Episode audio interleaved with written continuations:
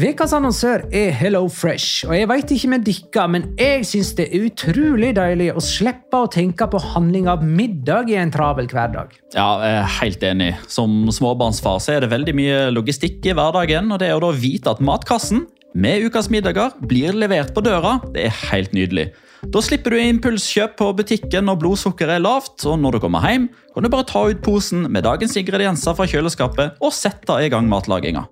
Ja, Du kan velge mellom 25 ulike retter hver uke. Og de har faktisk en egen kategori som heter Raskt og enkelt, med masse enkle og gode oppskrifter. Veldig greit å ikke måtte ty til takeaway hver gang det er hektisk på jobb. Jeg gleder meg spesielt til sterk chilikylling i min neste kasse. Jeg blir sulten bare av å tenke på det. Ja, Det er ikke feil med bacon og cheeseburger heller, da. Og det som også er bra, er at matkassen koster det samme hver uke, som gjør det enklere å holde matbudsjettet. Ja, og så blir det ikke matsvinn heller, fordi du får akkurat det du trenger til hver eneste rett. Hello Fresh kan absolutt anbefales, og bruker du koden vår, LIGALOCA, kan du få opptil 1779 kroner i rabatt på de fem første matkastene hvis du ikke har prøvd Hello Fresh tidligere. Du kan også prøve koden hvis du har avslutta abonnementet ditt for tolv måneder siden eller mer. Gå inn på hellofresh.no og bruk koden LIGALOCA. Bon appétit! Hallo? Jeg kommer fra Oslo politikammer. Ine Jansen er purk. Er du purk? The motherfucking bitch. Alt jeg vil, er å finne ut hva som skjedde med mannen min. Jon Carew. Er jeg sikta for noe? Iben Akeli. Det er du. Ole So, Lars Berrum og Big Daddy Karsten. Hvem sin side er du på, egentlig? Anette Hoff, Tone Danielsen, Kommer du fra Afrika? Jørnis Josef, Nesten. Kløfta. Trond Espen Seim. Det er synd å si det, men det var feil mann som døde. Purk. Premiere tirsdag på TV2 Play.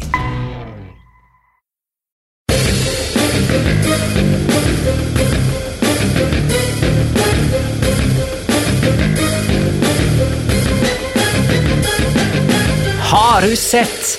For et par uker siden snakka vi om det kommende veiskillet i Barcelona, og at det å bytte trener føltes som en ubetydelig liten parentes i så måte. Nå kan vi fjerne parenteser, hermetegn og prikk, prikk, prikk. Messi sin erklæring forrige tirsdag avdekka en kald krig som har pågått i klubben i flere år. La liga loca. En litt gærnere fotball. Ja, ja, ja. Dette er La Liga Låka episode 128 av det ordinære slaget med Jonas Giæver, hei. Shalom. Petter Wæland, hei. Hei. Og Magnar Kvalvik, hei. Halla, Magnar. Er det noe vi skal si sånn noe løst og fast innledningsvis? Er det ikke litt- på tide at jeg får gi deg litt honnør for at du alltid har de introene sånn helt krisp perfekt idet droppet kommer? Bare med å få skutt inn det. Veldig bra. Det er ikke alltid, men i dag klaffa han skikkelig. Ja, veldig bra. Mm. Eh, skal vi refse fotball-Spania for å komme med store offisielle uttalelser rett etter at vi er ferdig med en episode? Greit nok at Messi ikke kom med sin uh, salgsforespørsel mm, forrige mandag kveld, men dagen etter, liksom. Jeg skal akkurat si det. Eh, Jeg har sommerfugler i magen ennå. Jeg lurer på hva som blir offisielt eh, seint i kveld eller i morgen. Det er alltid et eller annet. Det er alltid et eller annet. Altså, Innenfor det døgnet eh, der vi har publisert en episode, så kommer det alltid noe stort. Um, Skal vi tippe hva det blir? et eller annet med Bartomeo, da, kanskje? Et, en offisiell Ja, jeg, jeg, Eller at Messi har signert for Manchester City klokka ti i kveld, mandag 31. ja, august. da, da kan jeg si et eller annet med at jeg skal gå dit, og jeg skal med så lite. og Dette kommer til å dra ut i tid. Kan, vi, vi, kan, vi kan jo sette en ball i åpent mål, da. Hvis det ikke blir offisielt i løpet av den tida vi sitter her nå, så blir det rett etterpå. Og det er Ivan som Ra. jeg hadde håpet, Ivan Rakitic tilbake til Sevilla. Mm. Mhm. Vi prøvde jo å få i stand en eh, bonusepisode forrige uke da, i forbindelse med Messi-erklæringen, men det lot seg rett og slett ikke gjøre. Eh, dette er jo ikke jobben vår, det er hobbyen vår, og vi må ha tid. Ja. Eh, og det hadde vi rett og slett ikke, men nå skal vi prøve å samle tråder. Jeg mener jo, og nå begynner jeg med Messi, Nå er jeg i gang. Ja, oi, nå er vi i gang. Nå er vi i gang. Oh, it's going to get messy. Og før vi går i gang med dette det rent formelle om eh, kontraktsklausul og det som kan bli rettsapparat, jeg har lyst til å snakke om eh, det som ble vekka av Messis eh, erklæring. Kan en kalle det det? Erklæring? Altså det at han eh, Det er ikke en erklæring offentlig. Jo, men eh, hva skal vi kalle dette, da? Transfer request, liksom. Finn et bedre ord for det enn det. Burofax. Burofax. Det, altså det reaksjonen eh, som var veldig interessant, syns jeg, da, det er f.eks. at Carles Pyol eh, går ut og applauderer eh, valget til Messi, eh, etterfulgt av Arturo Vidal, som kommer med en sånn her eh, Kanskje litt mer kryptisk eh, variant med at hvis du tvinger tigeren opp i et hjørne, ja, så vil han eh, slå tilbake og, og, og krige mot deg. Og eh, Luis Suárez, som kom med eh, sånne applaus-emojis. eh, og da snakka vi faktisk om en stjernespiller som altså leverer et ønske om å, å bli solgt fra klubben sin og bli hylla for det av medspillere, skråstrek, eh, klubblegender. Hvor ofte ser vi det, og hva betyr det i praksis?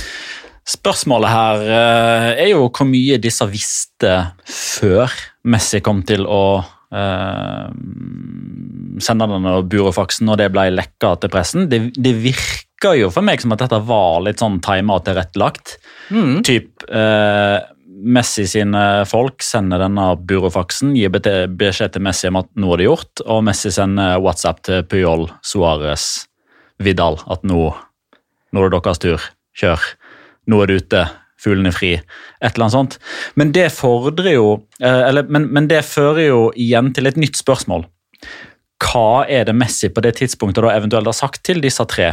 Har han da sagt, som noen rapporterer, at han har allerede bestemt seg eh, etter 2-8 mot Bayern München om at dette her eh, er jeg ferdig med? At, at det var dråpen? Eh, og tror da jeg håper å si Puyol, Suárez og Vidal at de applauderer Messi sitt forsøk på å styrte Bartomeu og styret? Eller er det faktisk sånn som det virker som nå, som virker som mer plausibelt, at Puyol, Messi og Suárez som du sier, applauderer at Messi stikker? I så til, hvis det er det siste som er tilfellet, så er jo det Ja, da må vi snakke høyt om det. Det interessante er jo det at de to spillerne som gjør det, er jo to spillere som nylig også har blitt ryktet at er på vei vekk, og fått beskjed om at de ikke er regnet med videre. Og, og så er Pjoll han, han er jo ferdig, eh, så, så han er spiller jo ikke. Så Mm. dette her er jo på en måte eh, folk som ikke ofrer noe kontrakt eller noen status i klubben ved å ta stilling i denne saken. Så det jeg automatisk lurer på, hva, hva sitter Busquets, Piquet, Alba, Sergio Roberto å gjøre? Altså, kan det tenkes at de sitter i et stille rom og applauderer for seg sjøl, og ikke tør å gå ut med noe offentlig mening om dette her, ettersom de skal i kontraktsforhandlinger sjøl med Barcelona den kommende høsten? Det er jo den røde tråden her, at de som eh, snakker høyt nå, er enten tidligere spillere eller spillere som har fått beskjed om at de ikke skal få lov til å fortsette. Og Vi nevnte jo det så vidt som en sånn faktor, som en sånn spenningsmoment. Hva skjer eh, i hodet til Messi når han jeg, innser at Luis Suárez eh, faktisk har fått beskjed om å finne seg en annen klubb? For det var jo offisielt når vi satt her for en uke siden. Jeg tenkte sånn, ok, Hva har dette å si for Messi? Og ganske mange mener jo at eh, det på ingen måte er hovedgrunnen, men at det kan være med på å tippe begeret. Han er sint, han er skuffa over eh, måten klubben er styrt på. Tre Champions League-exiter på rad, den ene mer ydmykende enn den andre. Masse bomkjøp, økonomien er, altså det er en vanstyrt klubb som ikke er i nærheten av å være der de bør være. Ingen framtid. Eh, Nei, veldig mørk framtid, altså en Ja. komplisert framtid. Opp, altså Du får liksom den skuffelsen, og så får du det opphøyd i sinne over at Ronald Coman visstnok skal ha brukt 1 minutt og 52 sekunder på å avskilte Luis Suárez som Barcelona-spiller.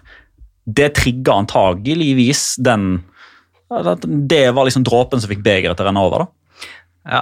Jeg skjønner ikke helt det der. Hvis det er det som er tilfellet, så lurer jeg litt på hva er egentlig der hensikten med Ronald Koeman da? Altså, Skal han bare inn for å skjelle ut folk, liksom? Altså, Jeg får en sånn derre Sånn, altså Louis van Hall opphøyd i hundre og helvete-følelse av hele Ronald Coman-greiene. slik Det er blitt det er illustrert i spansk presse. da. Jeg, jeg tror ikke det er så ille, men, men det virker jo helt malplassert i en, i en tid der klubben egentlig trenger en forsonende kraft og en som heller kan styrke de sammen, så virker han å være mer separerende. Her er min tolkning. Ja, Alle var enige Eksklusiva. om at eh, Barcelona trengte en opprydning etter fiaskoen mot eh, Bayern München, som på en måte bare var toppen, eh, eller prikken over i-en. ikke sant?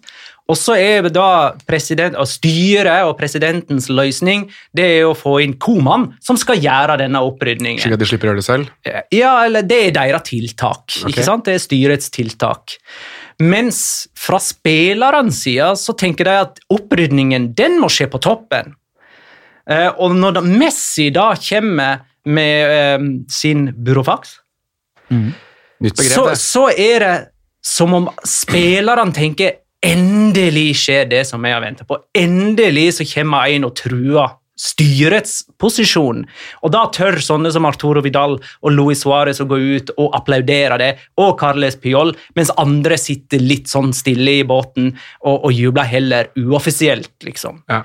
Så Det er det jeg mener med den kalde krigen. er at Alle er enige om en opprydning, men spillerne mener at opprydningen må skje i toppen, mens toppen mener at opprydningen skal skje i laget.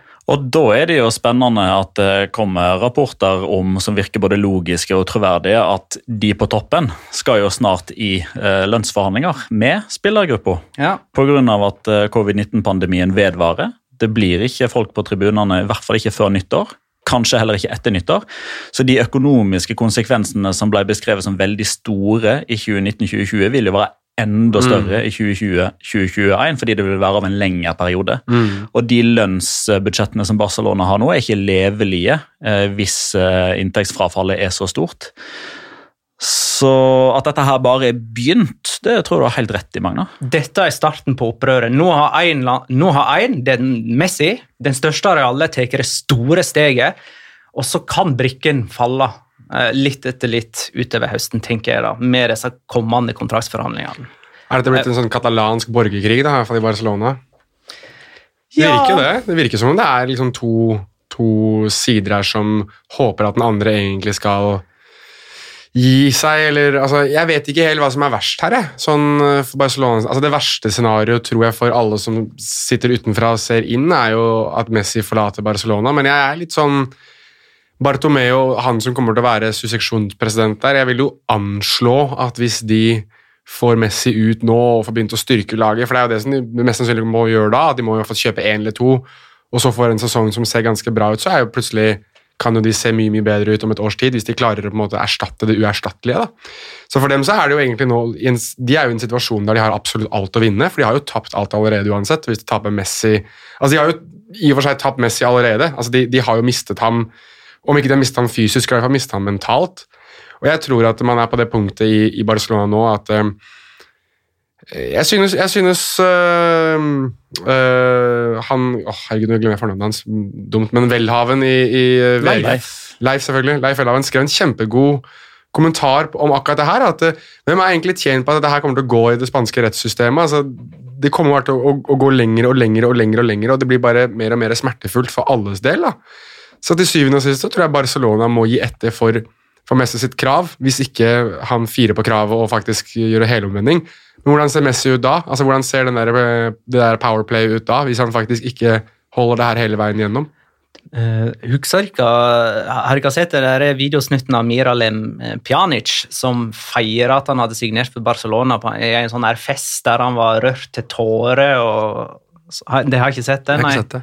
Eh, Jeg lurer på om han er like rørt nå når eh, det ikke blir ja, Sannsynligvis, da, eller kanskje ikke blir å, å spille med Messi, liksom. Altså, Nå som Barcelona kanskje mista han, og i tillegg har mista liksom dette her eh, tiki-taka-preget sitt, og ikke ha liksom spillemessig der filosofien som går utapå alle andre klubber, hva er det de står igjen med da?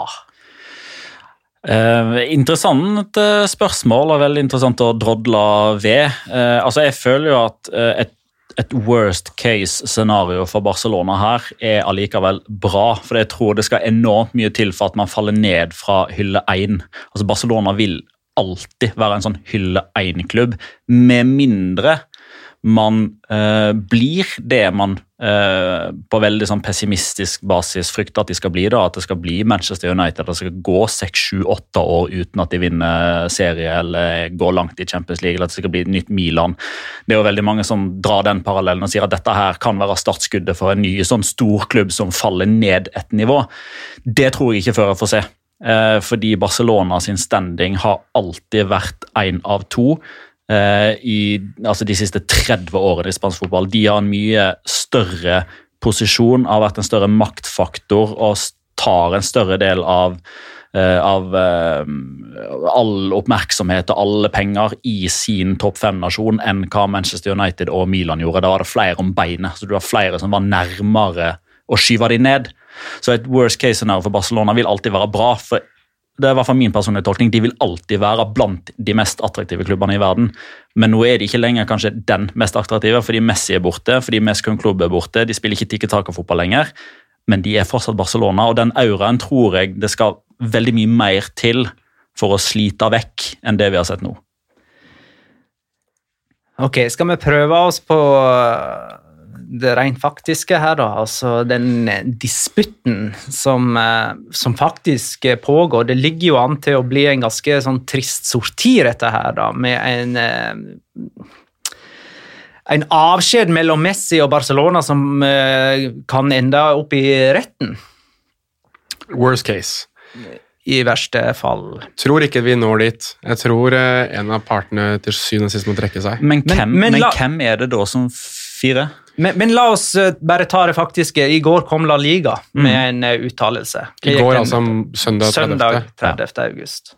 Uh, og altså, den uttalelsen i seg sjøl har nok ikke så veldig mye å si rent praktisk dersom dette skulle ende i retten, men det har en, allikevel en ganske sterk betydning for hvem som eventuelt blunker først i denne da, tvisten mellom Messi og City skal vi bare anta at det er de som er nærmest. da, At det eventuelt er de som skal være en pådriver for å få han vekk. Mm. Og Barcelona. Eh, fordi det som har vært, altså Vi snakker om hva er faktumene her. Vi kjenner jo ikke alle fakta. Eh, man kjenner en ordlyd i en kontrakt, og at det finnes to vidt forskjellige definisjoner av det. altså Teamet til Messi tolker det på én måte, og Barcelona tolker det på en annen måte. Eh, og Det er jo de to klausulene som er i kontrakten. Eh, om utkjøpsklausulen på 700 millioner euro gjelder i det siste kontraktsåret. Og om man fortsatt har lov til å benytte seg av den klausulen som tilsier at han kan gå gratis hvis han gir beskjed, beskjed 20 dager før sesongen er ferdig. Det er liksom de to store Der, der ligger tvisten. Der er man uenig når man skal bli enige om hvordan man eventuelt skal si farvel til hverandre. 20 dager før sesongen er ferdig? Ja, 10. juni er jo den datoen som figurerer i de fleste mediene. og Opprinnelig så er jo sesongen ferdig 30. juni, altså med å gi beskjed 20 dager før sesongen er ferdig. Ja, og det gjelder koronasesongen. Det, der ligger jo tvisten. Ja, okay. Barcelona mener nei, fordi det står spesifikt sånn, ja. 10. juni. Ja, Ny sesong begynner 1. juli opprinnelig, som vanligvis. ja. ja. og så mener Messi og co. at den fristen selvfølgelig er forskyvd under disse omstendighetene. Ja, pga. at Champions League-finalen, som da skulle, eller kunne, eller burde vært den siste kampen for Barcelona denne sesongen, det var 23. august. Mm. Så så lenge han da... Men, men det er der jeg sliter litt med argumentasjonsrekka til Team Messi. for hvis de da mener at eh, sesongen var ferdig 23.8 hvis de skal liksom være veldig sånn nitidige og lese denne kontrakten og mene at de har rett, burde ikke de da gitt beskjed til Barcelona innen 3. august? Altså 20 dager før? Ja. Men da var kanskje ikke det her et såpass stort tema for dem, da? Jeg vil jo regne med at eh, Altså, Hvilken dato var det du spilte mot Bayern igjen? 13. Ja, og da var det jo allerede Da hadde jo den fristen gått, da, hvis du skal regne det sånn. Ja, Og da sitter de i så tilfelle med særdeles dårlig kort på hånda, hvis de mener at denne klausulen fortsatt gjelder? Jeg mener at, at de sitter med ekstremt dårlige kort, men det er jo derfor de har nå altså Jeg syns det er interessant at man begynner å se visse andre ting smyge ut. da, at det der 700 millioners uh, utkjøpsklausulen ikke gjelder for siste året. At det liksom har vært en sånn greie som har kommet fra um, Jeg regner med at det er Team Messi da, som har lekket, eller noen på Messi sin side som har lek, lekket at dette her er, det gjelder ikke lenger, for at de har tydeligvis en veldig dårlig sak på det Burofax-greiene sine. Og det er der La Liga har kommet inn og på mange måter igjen gitt Barcelona rett. Eh, Det er ikke noe sånn rettskraftig dom eller uttalelse eller Liga kommet med noe. Det er, ikke, det er ikke noe sånn at ok, nå gir, Messi, nå gir Team Messi opp fordi La Liga har sagt dette, men det er allikevel en faktor som skal tas med i, i bildet for f.eks. Altså den gemene hop, da, det å få publikum, de utenforstående, de objektive på si side, det å da ha La Liga i sin favør. Altså det er bare, la oss si at dette her hadde vært en tvist mellom Hazard og Chelsea i sin tid, og så hadde Premier League kommet ut og talt Chelsea sin sak. Det er klart at vi som da ikke hadde hatt like inngående kunnskap til dette her, med regelverket i Premier League og kjenne de engelske mediene, vi hadde jo som utenforstående tenkt ja, ok, greit, men da er det Chelsea som har rett, da, for det har Premier League sagt. Jo, definitivt, men jeg, jeg vet liksom ikke helt hvem dette her tjener til syvende og sist. Da. At dette her uh, spinner og spinner og spinner. Men, men det jeg tenker er jo det at det, det som jeg synes er imponerende, er jo hvor harde Barcelona er på dette her. Men jeg lurer på hva skjer til syvende og sist da. Kommer Messi til å boikotte? Det har han allerede begynt å gjøre. Han har ikke møtt på treninger eller på tester. Man skjønner jo da at han kommer ikke til å ville Hvor lenge er det til seriestart nå? Under to uker, er ikke det? Ja, nå er det 13 dager, vel. Ja, nettopp. Så jeg mener han kom, skal riktignok ikke Barcelona spille første serierunde, fordi den blir eh, utsatt for deres del. Ja, det gjør det. ja, men, ja, men, han kommer jo ikke til å være med til seriestart. Det kan vi si nå. Sånn som står akkurat nå. ja. Hvis Barcelona hadde spilt i morgen, så hadde ikke Messi spilt. Nei, men det, men det er allikevel der jeg syns at fram til det tidspunkt Lionel Messi sjøl tar bladet fra munnen, og det, jeg syns det er eh, Altså, jeg håper Messi blir. Helt åpenbart. Jeg, jeg klarer ikke å se for meg Messi i annen drakt. altså De første 90 minuttene han eventuelt spiller for en annen klubb, så blør øynene mine før jeg begynner å venne meg til det fra et fotballfaglig perspektiv. Håper han går til Sevilla. jeg. Ja, Sånn som Maradona. Ja, At han har gått både til Sevilla og Barcelona. Han mener til Valencia. De, de kunne ikke litt hjelp nå. Men det, du, det, du, det som blør mest for deg, er om han forlater La Liga. sant? Ja, ja, naturligvis. Han har jo alltid vært der, og han er den desidert største profilen. Men han kan jo ende opp i en annen La Liga-klubb. Nei. Rent teoretisk. Ja, teoretisk så kan man det. Men, men det. men det som er greia, da, er at eh, midt oppi denne eh, surrealistiske situasjonen der absolutt alle mener noe, og det er idrettsjurister og det er tidligere klubbpresidenter som skal inn og tolke og mene og mene og mene uh, Messi oppfører seg jo nå som om at kontrakten hans med Barcelona er brutt.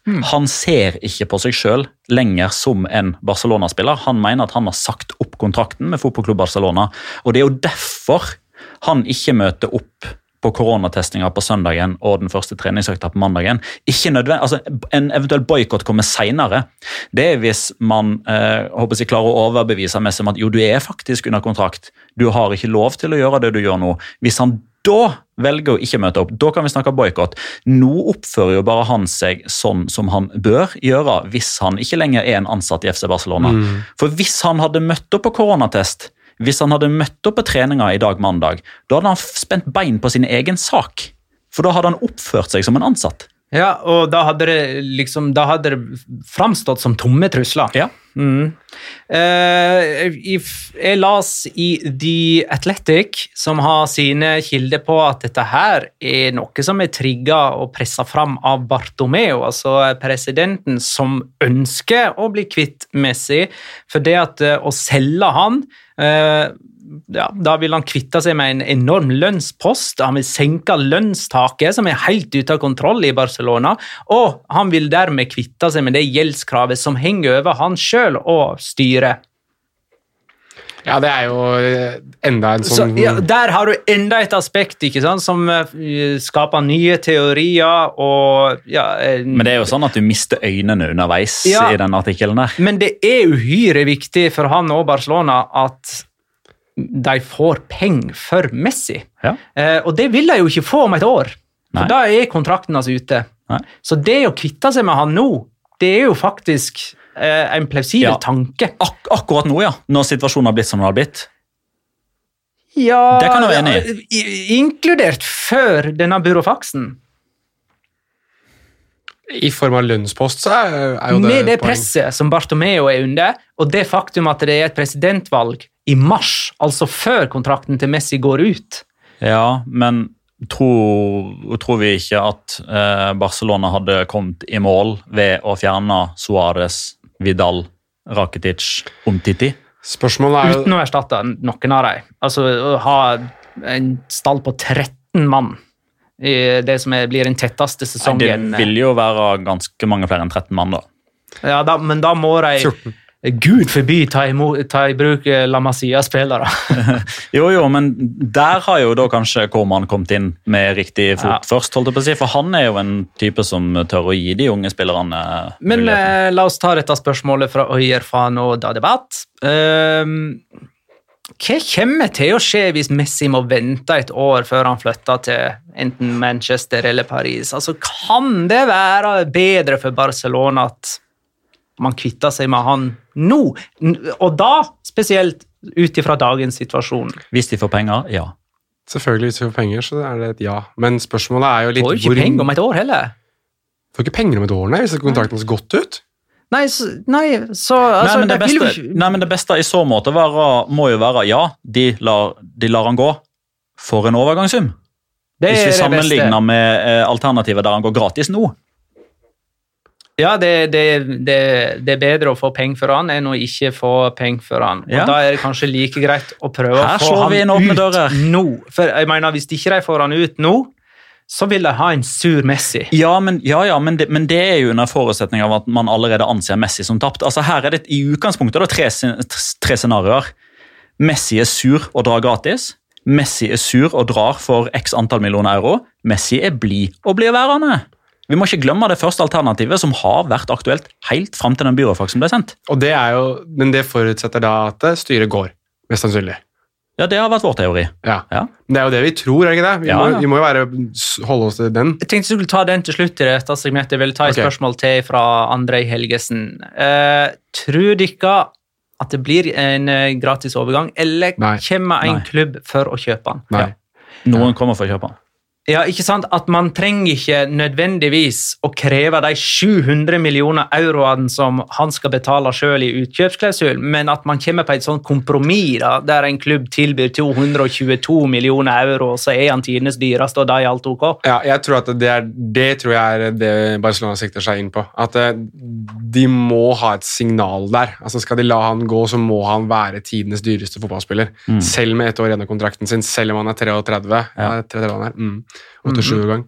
Han må, det, er, det er den eneste løsningen på, på situasjonen for Barcelonas del, hvis de skal la han gå, tror jeg, slik situasjonen er nå. Nå har de jo fått alle mulige tomler opp fra, fra altså at de sitter tydeligvis som best kort på hånda. Så de, jeg mener egentlig at det, Lionel Messi kan, altså det kan være at det er en form for bløff som Barcelona caller her. Sånn, altså du har ikke muligheten til å gå, du har en kontrakt i et år til. Skal noen ha deg, så må du kjøpe deg. Så enkelt er det. Og da er jo det litt grann sånn som f.eks. Atletic hadde i sin tid med Llorente, da, for å bruke det som et eksempel, med Fernando Llorente, som vel ble plassert på tribunen etter ganske mye om og men. da. Ikke at jeg sier at det samme kommer til å skje med Lionel Messi, litt ulike omstendigheter og litt ulike altså, kvalitet på spillerne her, selv om Llorente var jo en fanebærer for Atletic i sin tid. Men jeg ser jo i noen av, noen av de samme konturene her, da, at det er en som prøver å pushe veldig for å få gå, og så er det, er det en klubb som rett og slett sier at eh, du kan bare sette deg ned og holde kjeften din. Og da må vi strengt tatt si at Barcelona faktisk beviser litt grann at de er enn en klubb. Hmm. Og da det- tenkte jeg skulle ta nå. Hva tror vi kommer til å skje? Eh, Er det sånn at dere har allerede sagt det? Eh, Dere tror at en klubb kommer til å kjøpe Messi? Nei, det er det eneste scenarioet for at han skal dra, er at noen kjøper han, ja. Ja, Men hva, jeg tror, tror, hva tror vi kommer til å skje? jeg tror faktisk at man ender på det at det styret går. Jeg tror det, til syvende og sist. Jeg tror at, det, jeg tror at man Før overgangsvinduet stenger. I oktober? Tidlig oktober? Ja, men det, det er jo Godt spørsmål. Vi, vi, ja, men Hvis det fortsatt er det som er pressmiddelet, ja eller nei for Messi sin del, så hjelper det jo ikke Messi at styret går i desember. Godt spørsmål, jeg vet ikke. Men jeg, men jeg, tror, eh, jeg tror at styret går til syvende og sist. Men om det skjer dagen etter vinduet stenger, eller før vinduet stenger, det, det, det er vanskelig å si. Men jeg tror at eh, Jeg tror ikke at Bartomeo har lyst til å bli værende den treneren, eller den presidenten, mener jeg, beklager, som, som mistet Lionel Messi. Jeg tror det, jeg tror det Det tror jeg han kommer til å bli huska for uansett. Ikke hvis han går, da. Hvis han går altså, han, Hvis Bartomeo går? hvis Bartomeo går. Jeg tror at det, det kommer et form for kompromiss der. da. Ja, men det i seg sjøl hjelper jo ikke. At Bartomeo går, hjelper jo ikke. Nei, nei, men at styret går, da. Altså at, at alle sammen går. Det er det jeg mener. Og at Viktor Font og hans gjeng tar over med en gang. Nei, det vet jeg ikke, men det må jo være Men jeg regner jo med at det er en er det ikke, Har ikke det skjedd før? Var ikke det i 88 eller noe sånt nå? Så var det også Det har et begrep, jeg husker ikke hva det heter, men det var jo da spillerne la ned krav om at styret skulle gå. Uh, og da var det jo en form for midlertidig, et midlertidig styre som var innsatt inntil det nye presidentvalget som da skjedde påfølgende år. Ja. Og det er vel, og det er vel liksom som startet Johan Cruyff sin tid vel, i, i Barcelona. Så det er vel sikkert det man går og håper på nå, da. At man har en midlertidig et sånt innsatt vikarstyre inntil man faktisk har et valg. Det er da man sikkert håper på at Victor Font vinner. Ja, men altså, Det jobbes jo nå med en sånn eh, såkalt hva er det, um, motion de censura, altså et eh, forslag på å Eller et, et ønske om å eh, eh, styrte styret. Mistillitskrav. Mistillitsforslag. Ja. Er det tidligere president? Jeg lurer på om det er han Benedi, eh, Bene, nei, Benedito, Augusti Benedito som tapte Ja, valget ja, i ja, ja. 2015. Ja. Han går i fronten for det nå, eh, for å samle inn 16 000 underskrifter i løpet av 14, eh, 14 dager for å fjerne styret. Mm. Det jeg er litt spent på, eh, og som jo er den liksom elefanten i rommet som vi vil ta her nå, altså hva er grunnen til at styret ikke trekker seg? Det har vi vært inne på før. Det er jo at de er redde for hva slags summer de blir stående igjen som, eh, eh, som ansvarlig for hvis Barcelona går med underskudd. For det, det står i statuttene til fotballklubb Barcelona at eh, styret til enhver tid er ansvarlig for eh, økonomien til klubben. Det jeg lurer på, hvis de blir styrta på den måten her, da, hvis dette mistillitsforslaget går gjennom, og to tredjedeler av medlemsmassen stemmer for, altså de må gå, altså slipper de da denne summen i bakkant? Det, det er i så fall veldig spennende. For det kan faktisk bli et, et sånn kompromiss som man liksom snakker litt sånn stille om. Kanskje okay, Bartomeo okay, ok, bør greit, initiere det. I stedet for at vi trekker oss og blir erstatningsansvarlige, still et mistillitsforslag Mm. som blir stemt fram, så blir dere kvitt oss, og vi blir kvitt eventuell gjeld. Og dere får beholde Messi, mest sannsynlig. Og Messi blir kanskje. Ole BS skriver bønner ikke Koman eh, sin situasjon og ligner veldig på Lopetegi sin start i Real Madrid. Hasteansettelse av en som droppa landslagsjobben og mista et kommende turnering for å ta over et lag som nokså brått mista sin avgjørende og desidert største stjerne. Ai, ai, ai. Hvem, var det som, sa- hvem, sterk. hvem hadde den? Ole BS. Ja, da, Tommel opp til Ole BS. Den er veldig veldig er bra. Da er det bare å vente vente på masse stolpeskudd, stang ut, tap mot et russisk lag i Champions League og braktap i El Clásico. Vekk med han. Vekk med han, og så tar han over Sevilla og vinner Han får ta vel Valencia igjen, han da. Koman tilbake i Valencia. Ja, Han vant jo cupen, da. Og det var så vidt det, så, for så vidt det eneste han også gjorde i klubben. Ja. Det var jo han som eh, sa farvel til Canizares og gjengen i Valencia. Ja, Ja, Tuppa dem ut. Baraja. Angola. Ehm, nei, men eh, Messi og Manchester City, da, er det noe vi har tro på, eller? Eh, altså, jeg mener Egentlig så mener jeg Messi og Guardiola.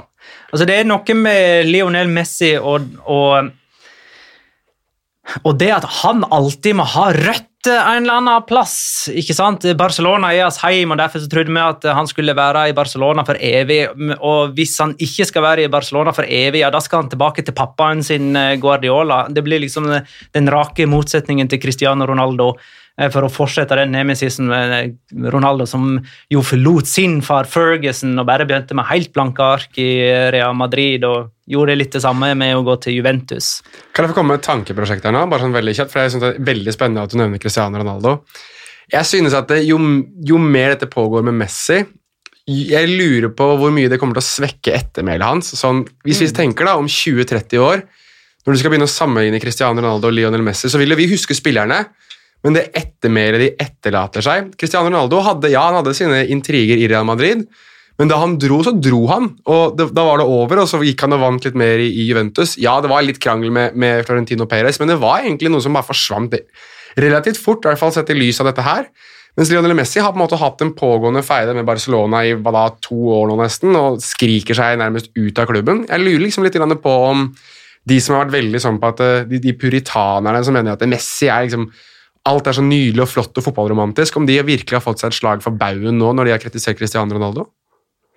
Skudd, skudd for baugen. Skudd for baugen, André, selvfølgelig. Um, Sliten ja, for lang det, dag. det å liksom forlate Barcelona i protest mot et styre han mener um, ikke egner seg for klubben, og så går han til en klubb som blir styrt av nasjoner som bryter menneskerettigheter daglig. Det er to av de to klubbene som vil ha han, som vi begge to Ja, ja, PSG, ja, det er jo paradokset. Ja. Um, Burde ikke han protestere mot dem og gå til et, eh, en eh, veldedighetsklubb? Eller Napoli, for så vidt. Fungerte for han siste som gikk mellom Barcelona og Napoli. Tror det faktisk er Maradona som er sist som har gått mellom de to. Eller bom jeg da. Husker ikke. Tror ikke det er noen mellom Husker ikke alle overganger mellom uh, 90 Nei, men jeg tror ikke det er noen andre som har gått direkte mellom Barcelona og Napoli. Ja, bare så hvis han skal følge denne Maradona-tråden, da Etter å ha hatt det der driblereidet sitt mot Chetaffe Getafe Og og, Hensen mot eh, Español, så er det helt naturlig at han nå går til Napoli og ja, ja, ja. blir den nye guden der. Jeg, tror at, jeg tror at de skal være sånn helt uten å flåse, så tipper jeg at det er tre klubber som har finanse til å klare det, da. Og det er City og PSG, og så er det Manchester United. Det er de tre som kan kjøpe han eh, fra Barcelona. Og jeg tror at eh, Jeg tror at han ender opp i Manchester City hvis han drar, men jeg tror at både United og PSG kommer til å, til å legge mye penger fram for Messi. Veldig mye penger fram. For United del så er det jo en Adidas-styrt klubb. Lionel Messi er den, den største Adidas-promotøren, kan vi kalle det, eller Adidas-spons og spilleren, i verden. Altså, han er vel største merkevaren til Adidas, punktum finale. Mens City åpenbart har de pengene de har, og PSG har de pengene de har, men jeg tror at det betyr veldig mye for Manchester United og, og for Adidas også, egentlig, å ha en, en spiller som er deres brand, som også spiller i deres brand. Det har han ikke gjort sånn foruten når han spiller for Argentina. Han har vel aldri spilt med Adidas på brystet noensinne i sin karriere. Sier jeg hva jeg trodde? Jeg, tror han blir i Barcelona. Bare Men, sånn at det er sagt. men da tror du hele Bli tiden eh, bli eller sur? Ja. Eh, Både òg. Ja. Det er får forskjell fra kamp til kamp. litt sur, litt blid. Er vi i mål med Messi-prat, eller? Er det noe det brenner inne med? Nå må vi tenke veldig grundig, for at det er alltid en eller annen som kommer med noe vi har glemt å si om Lionel Messi. Eller om noe annet. Jeg må jo si at um, jeg begynner å jeg, jeg lurer litt på dette powerplay vi har snakket om, sånn for å få ut uh, styret. Tror vi like sterkt på at dette er powerplay nå, eller tror vi at det er genuint det at Messi vil dra? Sånn, altså at han innerst inne er drittlei og vil vekk. Koste hva det koste vil. Jo, men jeg tror jo ikke dette Powerplayet hadde håper jeg, hatt noe rot i virkeligheten i det hele tatt hvis han ikke var sinna og skuffa og lei seg i utgangspunktet. Så det er jo en grunn til at han da eventuelt har kjørt dette Powerplay, og det er jo for å få vekk styret. Så jeg skjønner ikke helt at det ene skal utelukke det andre. Ja, men tror, tror du at han faktisk er genuint interessert i å dra? Jeg tror at dette uh, powerplayet som vi har snakka om, definitivt har hatt rot i virkeligheten, og så har det bygd på seg. Og nå har han kommet til et sittpunkt der han er litt sånn Ja, men da drar jeg, da. Ok, Ja. greit, men da drar jeg. Ja, sånn. At han har blitt litt mer, litt mer sånn likegyldig. Ja. Eh, at det fortsatt er et ønske om å få bort hele styret. Og hadde styret trukket seg på dagen nå, da er jeg ganske sikker på at Messi hadde sagt sånn Ok, greit, men da, da blir jeg. Da skal jeg vise min livslange kjærlighet til denne klubben, eh, og nå skal vi dra dette lasset sammen. Og nå er dette kapittelet avslutta. eh, Nå skal vi se framover med nytt styre, og dette har jeg lyst til å bli med på. Men etter 2-8 mot Bayern, etter den behandlinga som Luis Suárez eh, har fått, så tror jeg han har blitt mer sånn Ja, ok, greit. Ja, men ok. Men da, da er det faktisk greit hvis jeg drar. Ja, ja. Nei, jeg er for så vidt enig med deg. Jeg, men den jeg tror ødelegger da, litt for det powerplayet, og jeg tenkte over det da det skjedde Magne nevnte det jo, men da Carlos Puyol med en gang var ute med sin støtte, Ja. som, og han har også vært koblet inn med dette Victor Font-greiene, så tenkte jeg at det var litt tidlig.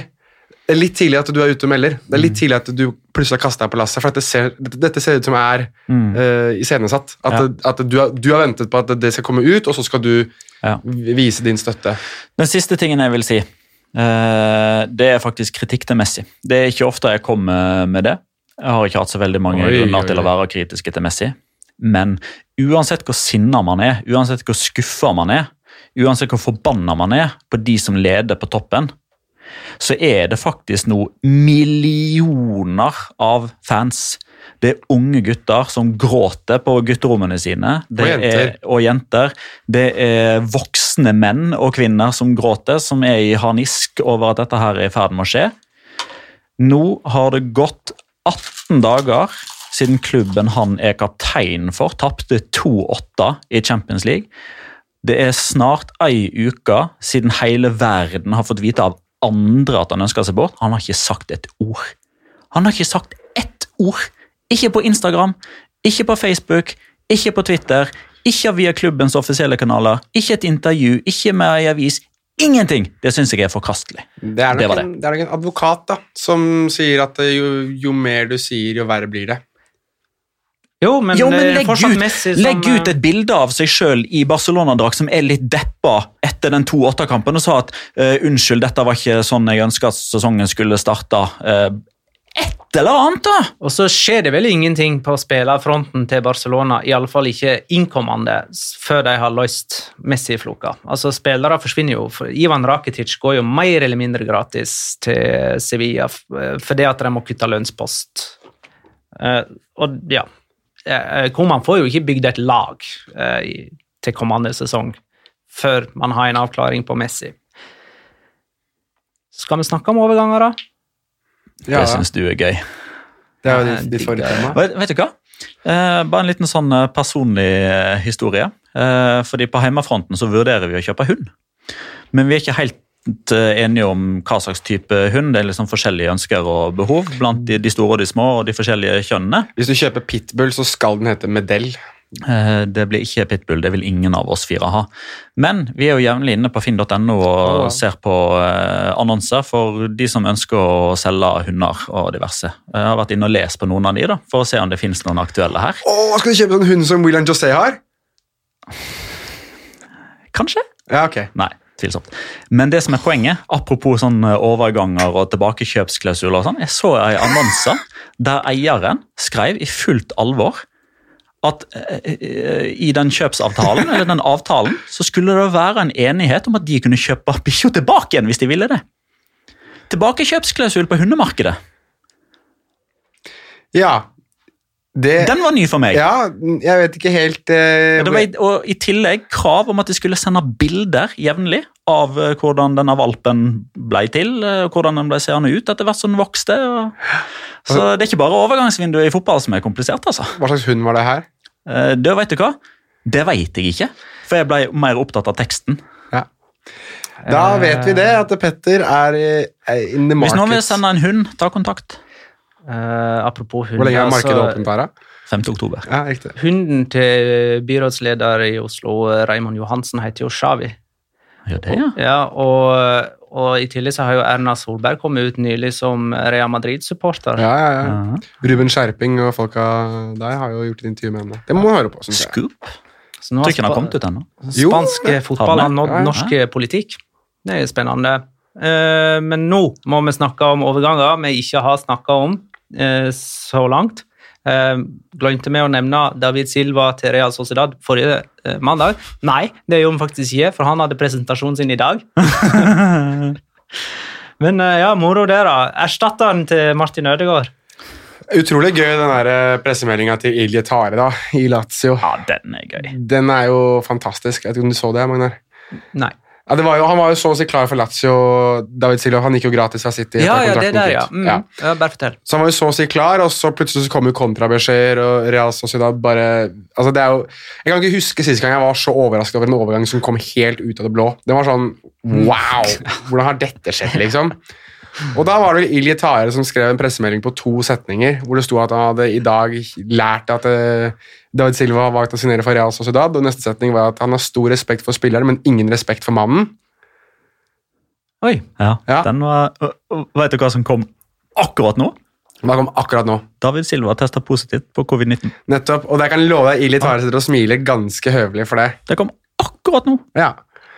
Er det en sånn Eller er det bare, skal vi bare la den gå eh, i stillhet? Ehm, jeg tror vi bare lar han gå i stillhet. Det blir artig. Det var en artig overgang. eh, David Silva han er 34 år, men han, han holder jo koken, han. Ja, er du gæren? Jeg tipper at det, det, er jo Nå som vi har mistet typer som Santi Casolla for eksempel, og Ja. Ever Banega, så er jo det en, eh, en kjempeberikelse for La Liga. Og Casolla 35? 36? 35, vel? Ja, og Ja. på sitt beste, liksom. Ja. Hadde jo en av sine beste sesonger nå. Se for Så det, han, David Silva når toppen egentlig om et år, sånn cirka. da. Ja. Se for deg Silva og, og Jarzabal sammen, da. Bak eh, Han òg har testa Ja, positivt. det har han faktisk. Det har han for så vidt. Så det, ja, ja, men da har de noe til felles, da. Ja, det på samme festen? Eller skal vi ikke spekulere i sånt, kanskje? 25. oktober, El Clásico. Kom nå. Ja, nå kom terminlista. 25. oktober, El Clásico. Ja. Kan jo bli 26. år, da. Eller altså sånn type Tror Eh, du, 24. i så fall. 24. 24. eller 25. tror du de har grottefester i San Sebastian? Mhm. Vi eh, beveger oss til en annen kul signering, nemlig Digresjon? Oscar Rodriguez til Sevilla. Oscar Rodriguez er jo en liten favoritt blant oss i La Liga Loca. Han som nesten eh, skjøt Leganes til fornya kontrakt uh, forrige sesong, på lån fra Real Madrid. Nå er han kjøpt av Sevilla, sånn har jeg forstått det. Han er Sevillas eiendom. Ja, ja, stemmer det. I tillegg til Ivan Rakitic, da, så de har jo gjort uh, et par ganske store signeringer de siste par døgnene. Ja, Det er viktig å påpeke da, at i skrivende slash snakkende stund 1855 til 1. august så er ikke Ivan Rakitic klar for Sevilla ennå, men tradisjonen tro så blir han sikkert klar idet vi slutter å trykke record her. Ja, Hvor lenge har vi igjen av denne episoden? 20 minutter? Ish. Kom om 25, da. Ja, 1920? 1930? Men det slår eh, ikke feil. en overgang fra uh, spansk fotball eh, og til Premier League, som jeg er veldig spent på, det er jo Rodrigo Moreno til Leeds. Svein Arve Alnes har veldig lyst til å høre mer om Rodrigo. Eh, og Emil Helin følger opp med sammenlign gjerne prislappen opp mot Ferran Torres. Eh, For eh, Valencia de selger jo spillere over en lavsko. De er jo enda verre enn Barcelona nå. Og lot jo da Ferran Torres gå ganske gratis. Hadde Ganske billig til Ganske Manchester, gratis. Det er ganske Manchester gratis. City. Hvordan ser det med prisen på Rodrigo Moreno til Leeds? Det er vel 30 millioner euro. 30 pluss 10, Ja. og de 10 skal visstnok være veldig enkle. Typ Ja. 50 kamper, eh, 10 mål ish. Men det handler om at eh, Rodrigo Moreno også hadde en lengre kontrakt enn det Ferran Torres hadde. da. Eh, Ferran Torres hadde jo ett år igjen av sin kontrakt i Valencia, så litt sånn i, i Messi-gata, da, for å ta han eh, for å sammenligne den sikkert den første og eneste gangen de to sammenligner sånn sett, men um, skulle de få noe penger for han, så måtte de få det nå, og da hadde jo Manchester City veldig gode kort på hånda, så da fikk de en god deal, men altså Rodrigo Moreno, det er jo altså hvis du utelukkende titter på, på tallene hans, så er det jo ikke imponerende, men jeg tror at det er ganske unison enighet om at eh, han er en spiss som i stor grad jobber veldig mye mer for laget, og er nok en som passer godt inn i den direkte spillestilen til en type som Marcelo Bielsa. Altså, vi så jo hvordan han fungerte i den direkte spillestilen til Marcelino, der han var like mye en tilrettelegger som han var en, eh, en målskårer. Og jeg tenker jo at han veldig ofte, selv om han ikke var nest sist, så var han kanskje tredje sist på ballen, og en som kunne føre ballen kjapt fram i lag i kontringsfaser osv. Og, så videre, og det tror jeg han kommer til å være altså, smashing for, for Leeds, som spiller uh, veldig, veldig sånn uh, high tempo, høyoktans-fotball, eh, som man kaller det. Så jeg, jeg tror at det, dessverre for Valencia sin del, så tror jeg at det er et grusomt salg, og så tror jeg at det er et kjempekjøp for Leeds, som med all respekt å melde til dem, kjøper en spiller som egentlig er litt for god for dem, mener jeg. Altså, for oss La Liga-entusiaster så var jo Leeds sin tilbakekomst i Premier League spennende nok med Marcelo Bielsa uh, i, i den eh, settingen der. Uh, og med nå Rodrigo Moreno på laget òg, så blir det et uh, lag å holde et øye med. Og det er definitivt. Og nå er jo Rodrigo de Paul, som vi husker fra Valencia, kobles Ble også utvist i debuten han, mot Sevilla. Ja, det gjorde han. Han kobles jo nå også til Leeds. Så Den kampen satt vi og så sammen, Magna. Husker du det? Ja, Debuten for Valencia, ja. Ja, Det var da Otamendi blokkerte med huet med, med huet, og beina var oppe i været. Husker det. Veldig, veldig bra. Vine eh, drev vi og publiserte på da den tid. Oi! Herregud, vi er gamle, ass. Var ikke 2014, eller? Det må ha vært noe sånn 2014-2015. Dro han ikke sommeren 2015, da? Var det ikke da Otamendi dro til City? Men eh, Sander Samuelsen hører gjerne noe om ståa i Viareal, særlig ved hjelp av eh, Viaplay Veland, som du nå heter på Twitter. Og jeg ser at du driver nå og tvitrer, eh, men eh, nå eh, forstyrrer jeg altså Ja. den prosessen. Ja. Via Real, ja. Ja, Vi har jo egentlig ikke snakka om uh, deres forsterkninger. Nei, De henta Sånn. Danny Parejo og Francis uh, Ja. Coquelin og tapte 2-1 mot Valencia i en treningskamp uh, forrige helg. Så Una Jemeri styrer skuta, han. I bakvendtland, der kan alt gå an. Men det er jo så mange som mener at nå har Vi- Villarreal har hatt den store overgangssommeren, og jeg er jo helt overbevist om at det blir nedrykksstrid i år òg. Ja da, men tradisjonen tror, vet du. Ja. Men du, du, du har trua, du, nå. Jo, men altså, De ble nummer fem forrige sesong, og etter det uh, så har de henta Dani Parejo, Francis Kokkelen og Takefusa Kobo. Uh, Og? De er visstnok veldig nære José José Callejon og kanskje Federico Fasio i tillegg. Sistnevnte ikke nødvendigvis noe å sprette champagnekorken på, men Albiol, som med all respekt å melde var kjempegod for Villarreal forrige sesong. Eh, alle de skrønene som kom fra Napoli-fansen og Madrid-fansen, de falt jo på egen urimelighet, for han var kjempegod. Men han tåler ikke 38 kamper pluss Europa League. Så det å ha Fasio og eh, Albiol som rullerer som leder ved siden av Pau, Pau Torres, som enn så lenge ser ut til å bli værende, Samuel Chukwueze ser ut til å bli værende, Gerard Moreno blir værende, Paco Alcázar er med fra første start eh, denne sesongen. Det, det ser jo ut til at dette her kommer til å gå enda bedre. Unai Emery er en kjempegod trener for en klubb som Viareal. Vicente Iborra kommer sikkert til å bli kjempegod under Unai Emeri, Emery, tenker jeg. Ja. Så du, han store spiller i Sevilla. du syns det er bedre å ha Fasio som backup enn Fonis Mori? Eh, ja. Um, Kjetil Rake spør eh, noe mer rundt situasjonen til Gareth Bale. Nei. Du, vent litt. han Ja, han er på 14. hull nå på Madrid Open eller et eller annet sånt, tror jeg.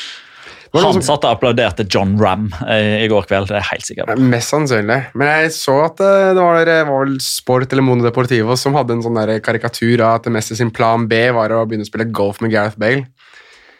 Så det, Ja, Den var fin, den det- karikaturen ja, der. altså. Ja, det var veldig, veldig bra. Så jeg tenker at eh, potensielt så kan han da ta opp eh, Han får nok penger så, for en som Real Madrid-spiller som ikke spiller, så kanskje han kan ha en sånn lite sånn sideprosjekt med å være Messis personlige golftrener.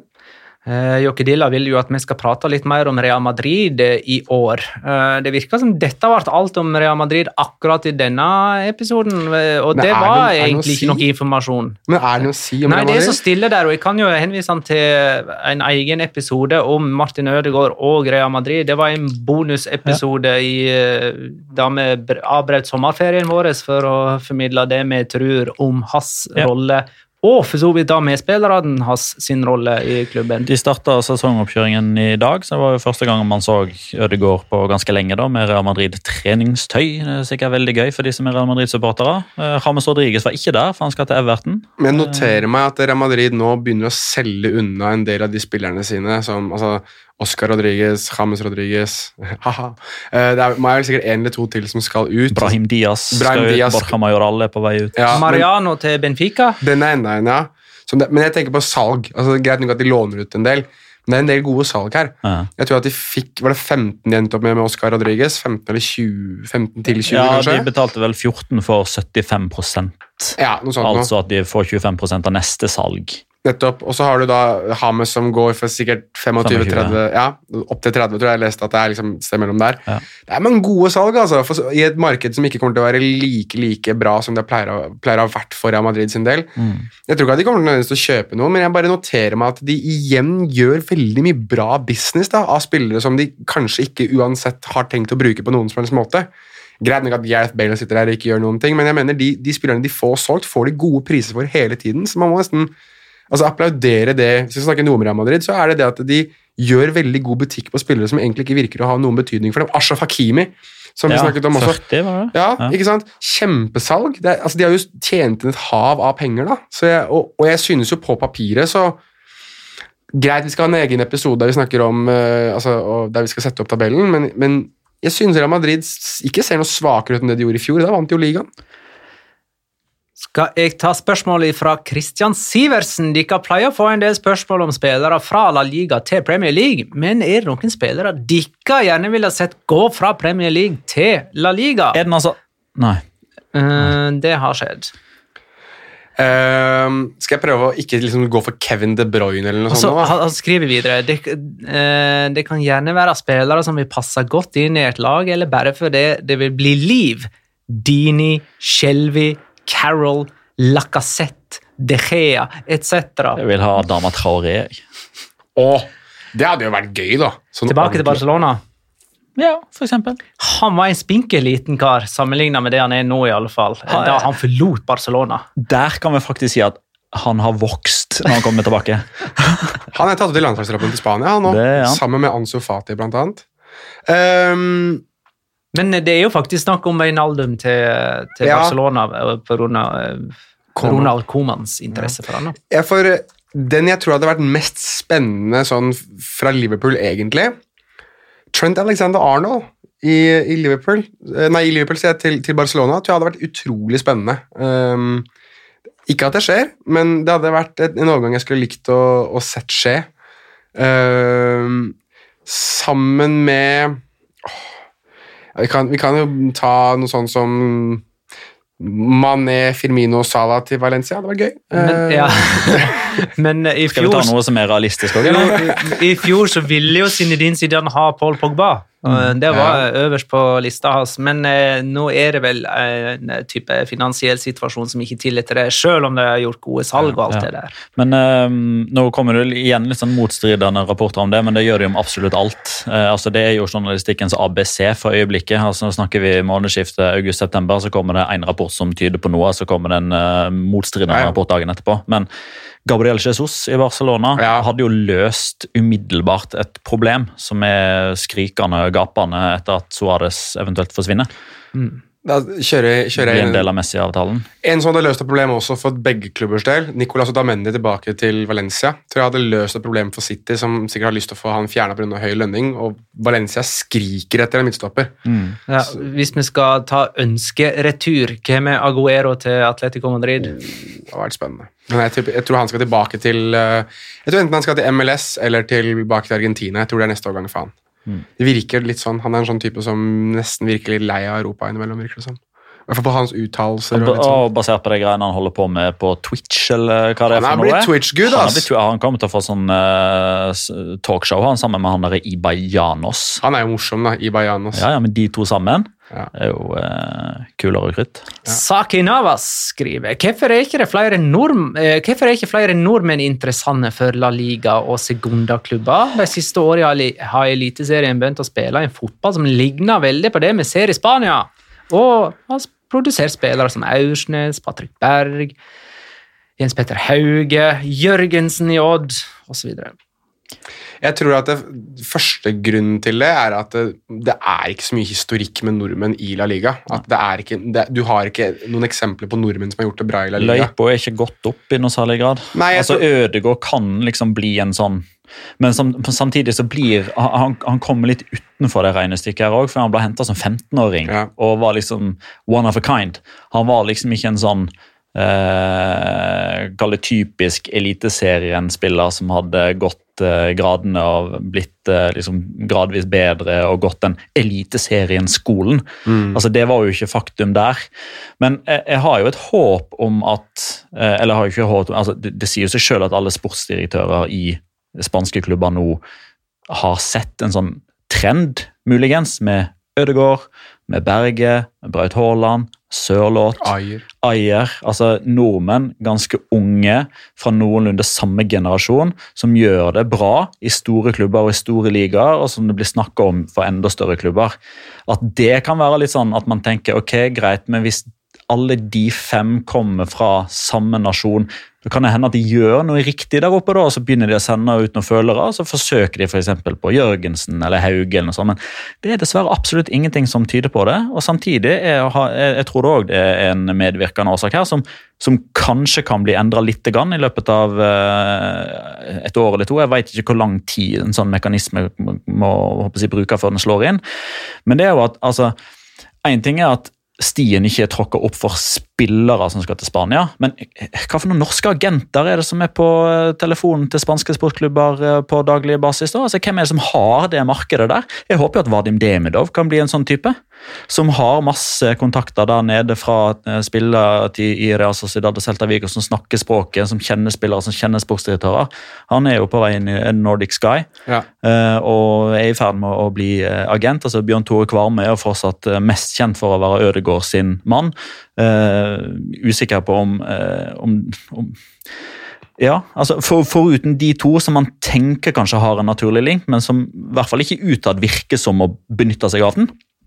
Hvem er det som skal prate om norske spillere inn til spanske klubber? Det, der også ligger det jo et i hermetegn problem, i hvert fall for oss som ønsker at flere nordmenn skal spille i La Liga for interessen sin del. Så tror jeg det er det, dette med kulturen. Da. At eh, Jeg tror spanske klubber også har vanskeligheter med å ta for seg norske spillere kontra dansker og svensker. fordi det er ikke, altså Man har en, en større kultur og en større historikk da, for dansker og svensker i La Liga enn man har for nordmenn. Altså det, jeg tror det har veldig veldig mye å si. det at eh, det er et marked man ikke kjenner så godt til, og derfor så holder man seg heller til det man kjenner til. Da. I Spania mer enn f.eks. England og også Nederland og Belgia på sitt vis. så kan man, altså De kan ta litt mer sjanser fordi at det er forholdsvis lave summer. Mens i Spania så tror jeg de er ekstra ekstra forsiktige på at alle overganger skal gå riktig, også fordi at man har en større kultur for det å sparke sportsdirektører hvis et kjøp eller to kjøp eller tre kjøp er dårlige.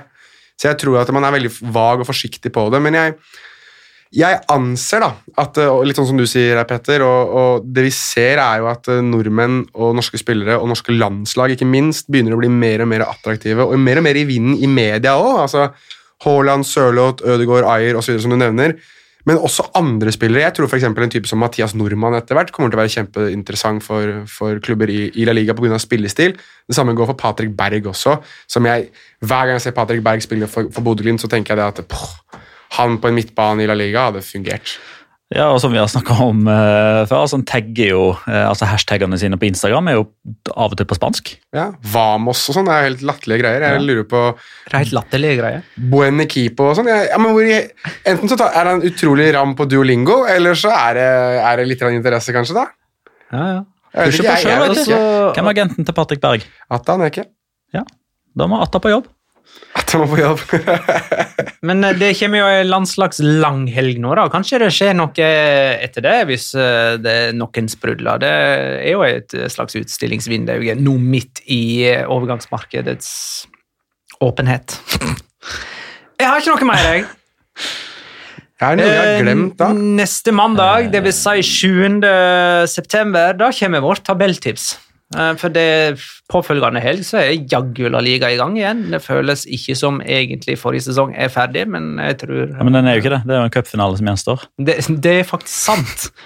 Eh, vi venter fortsatt på cupfinalen. Ja. Eh, Første serierunde har for øvrig kommet. Jeg skal ikke ta alle kampene, men, øh, og det blir jo sikkert folk flest kjent med, fordi de aller fleste som har spanske favorittlag, er jo enten Real Madrid eller Barcelona.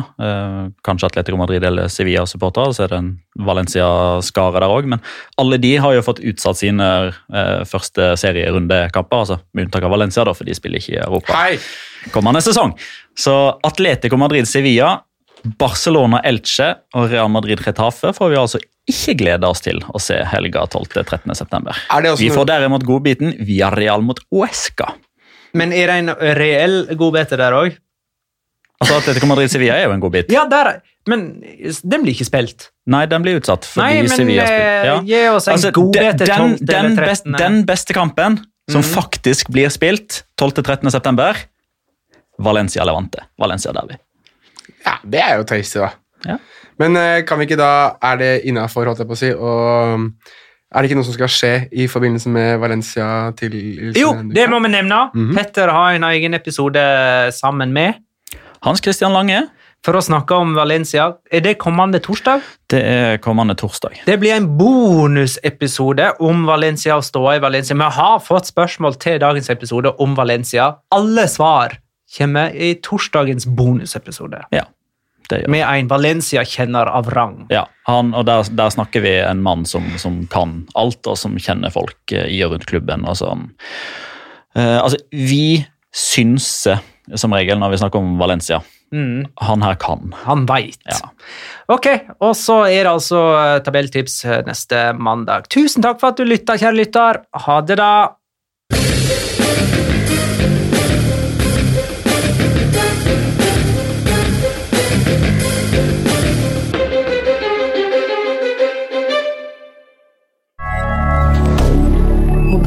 D'accord. Har du et enkeltpersonforetak eller en liten bedrift? Da er du sikkert lei av å høre meg snakke om hvor enkelt det er med kvitteringer og bilag i fiken, så vi eh, gir oss her, vi. Fordi vi liker enkelt. Fiken superenkelt regnskap.